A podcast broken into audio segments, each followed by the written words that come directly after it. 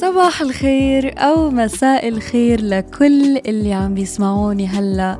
اشتقت لكم كتير كتير كتير كتير. صرنا أربع شهور ما سجلنا ما رجعنا من وقت سيزن آه 2 ألف ليلة وليلة. اشتقت لكم كتير مستمعينا الكرام وأهلا وسهلا فيكم في بودكاست من الآخر من season 3 اللي اسمه اسمع لي هالقصة. ولأنه القصة طويلة ورح تنعمل على two parts فأنا رح أدخل في الموضوع على السريع. هلا بس خليني أحكي على السريع ليش أنا سميت ال season اسمع لي هالقصة.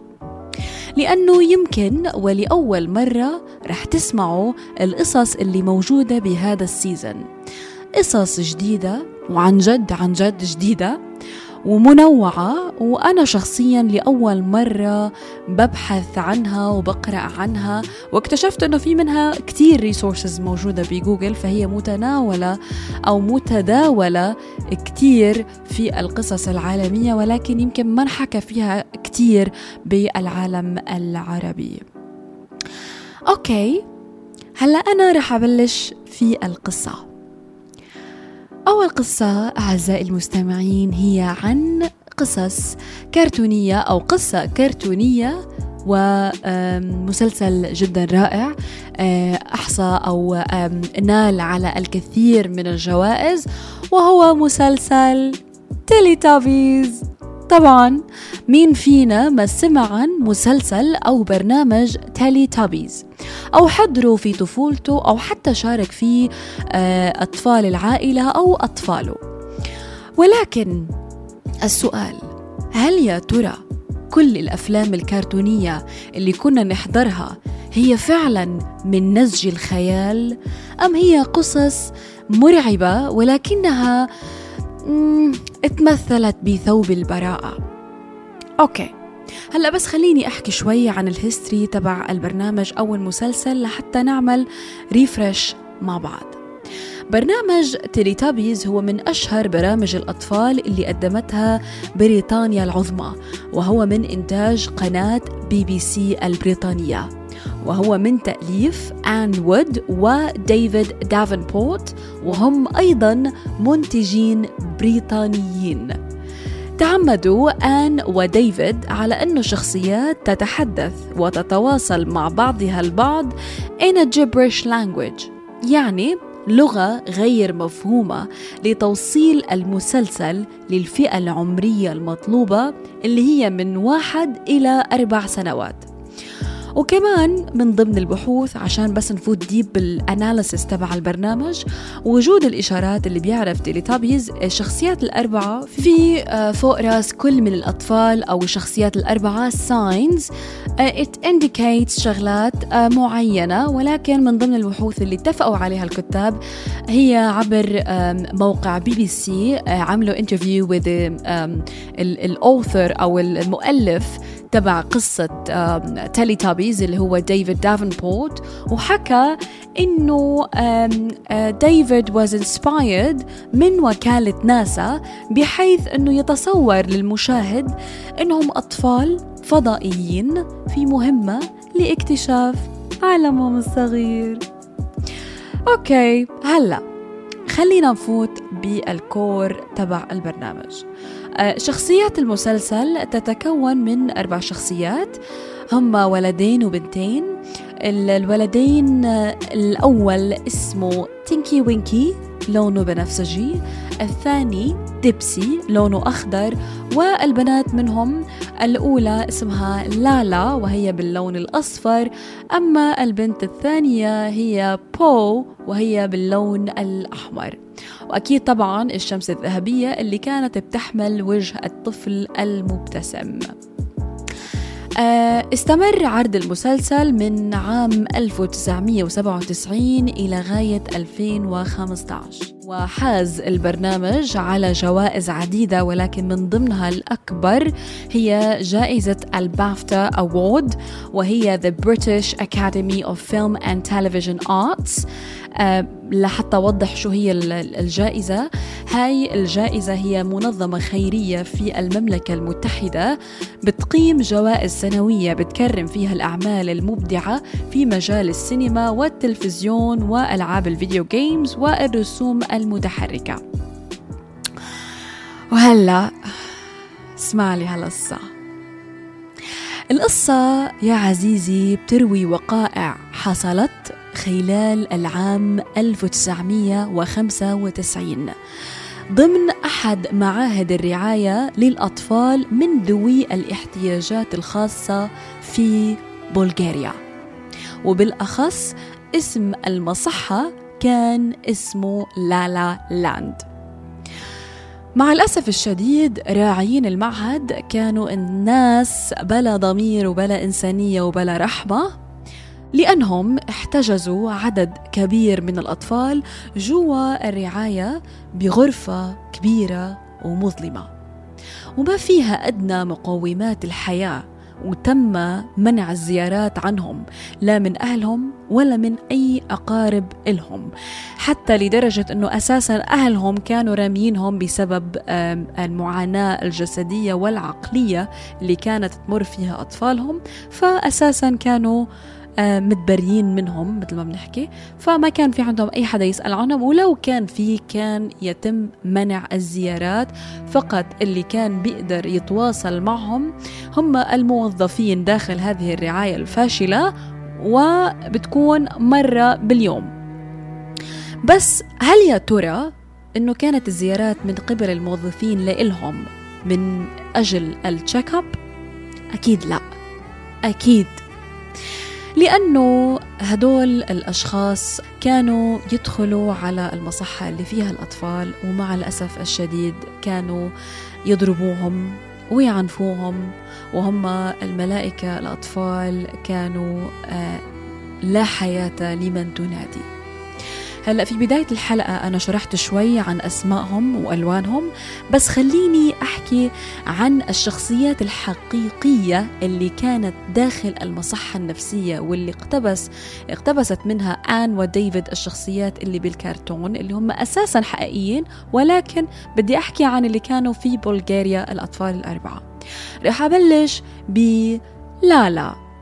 لالا هي بنت صغيرة عمرها خمس سنين كانت بتعاني لالا من تشوه خلقي بوجهها على النحو اللي بيخليه يظهر إنه مبتسم في جميع الأوقات ما بتحس عليها إنها آه، معنفة. هذا كان التشوه الخلقي اللي عندها. وأي حدا كان بيشوفها كان بيظن إنه لالا جدا سعيدة. وهذا هو التشوه الوحيد اللي كانت بتعاني منه وما عندها أي مشاكل تانية لا عقلية ولا جسدية. يعني كان بإمكانها للالا إنها لو كان عندها أسرة طيبة أو الناس اللي هي موجودة عندهم في خلال أو في ضمن المصحة النفسية كانوا طبيعيين كان ممكن تتعالج وتعيش حياة طبيعية خارج المعهد. ولكن رغم ذلك تم حجزها في الرعاية العقلية لمدة خمس سنوات. طبعا وبسبب العنف والضرب اللي تم آه، في خلال خمس سنوات مع الأسف الطفلة البريئة لالا فقدت عقلها بشكل نهائي. حتى وصل فيها الأمر إنها ترقص جوا الغرفة والغرفة معتمة وبدون موسيقى. وبما إنها انحبست لوقت طويل جوا غرفتها طبعا ممنوع تطلع الأكل برموه رمي لإلهم. آه، لأنها ما تعرضت لأشعة الشمس آه، تحول لون لالا الطفلة البريئة إلى اللون الأصفر. ورغم كل ذلك التعنيف كانت مبتسمة حتى خلال التعذيب. ولكن هل يا ترى كان هذا العذاب النفسي والجسدي والعقلي كافي لمسؤولين الرعاية؟ أكيد لا. لأنه لما شافوها بترقص ما عجبهم الوضع. قال لك هاي لسه مبسوطة مبتسمة تعال. نكسر رجلين لالا عشان لا ترجع ترقص من أول وجديد. ومش بس نكسر رجليها لا. رح نقيدها بسلاسل حديدية على سريرها علشان لا ترقص ولا تغني ولا تعمل أي شيء وتزعجنا. ولكن رغم كل هذه الظروف القاسية المجرمة كانت لالا ما زالت مبتسمة. أما عن الطفل آه، الأول من الذكور كان اسمه تينكي وينكي اللي هو لونه بنفسجي. آه، اسمه الحقيقي كان توتي. توتي هو الشخصية الثانية من الأطفال اللي عاشوا الظروف الصعبة في الغرفة المظلمة وهو طفل عمره سبع سنوات. كان بيعاني من تشوه خلقي إلى جانب أنه حبيبي توتي كان أصم أي لا يسمع. وتوتي أو تينكي وينكي كانت حالته تقريبا مطابقة للالا كان دائما مبتسم بسبب التشوه الخلقي اللي عانت منه لالا أيضا. كان توتي بيقضي أيامه جوا الحبس بالتأرجح مع بقية الأطفال وكان أيضا بيتمتم بألفاظ غير مفهومة كونه أصم. شخصية توتي كانت قريبة كتير من شخصية لالا ولكن مع بعض الاختلاف. توتي كان طفل عصبي وبعض الكتاب اتفقوا على أنه عصبيته نابعة من كونه أصم ويجد صعوبة في التعبير.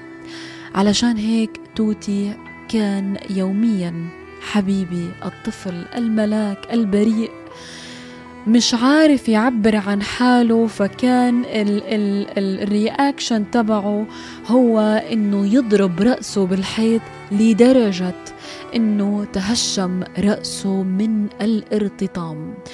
طبعا مش إنهم يصحوا على حالهم شوي ويصحوه ويقولوا له خلص حبيبي هدي بالك تعال هاي لعبة. no no. أدى إلى إزعاجهم للمسؤولين اللي أجان مش عارفة أوصف كلام تاني غير أنهم بلا ضمير قرروا أنهم يربطوه بسلاسل حديدية أيضا خارج المصحة لأنه جوا المصحة عم بيعمل إزعاج. فقالوا لك لا جيبوا برا بنربطه بسلاسل حديدية علشان آه، نفتك. وكان البرد أو الجو آه، بارد جدا. يعني ربطوه خارج المصحة رغم البرد القارس.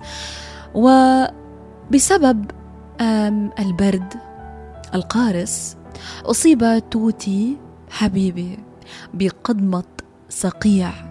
حولت لون أطرافه إلى اللون الأزرق بسبب تجمدها.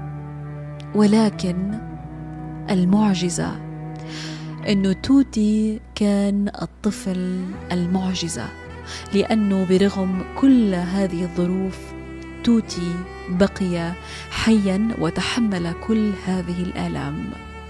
وعلشان هيك اختارت آن اللون البنفسجي لتوتي اللي جسد معاناته أثناء التعنيف وقضمة الصقيع. في الجزء الثاني والأخير من قصة تيليتابيز الحقيقية. رح تعرفوا كيف الكاتبة والمؤلفة قدرت إنها تحول مأساة ومعاناة الأطفال الأربعة على إنه يكون دافع لمحطة جديدة محطة نجاح. وكيف قدرت آنود إنها تكمل حلم الأطفال الأربعة إلى واقع. أطفال بعمر الزهور. كان نفسهم إنهم يشوفوا النور ويكونوا بعالم ما في ليل عالم ما في إلا شمس مضيئة ومضحكة ما بتفارقهم. استنوني الأربعاء القادم للجزء الأخير من القصة الحقيقية لتيلي توبيز والليلة الأخيرة. الأسبوع القادم الساعة السابعة مساء بتوقيت Abu Dhabi.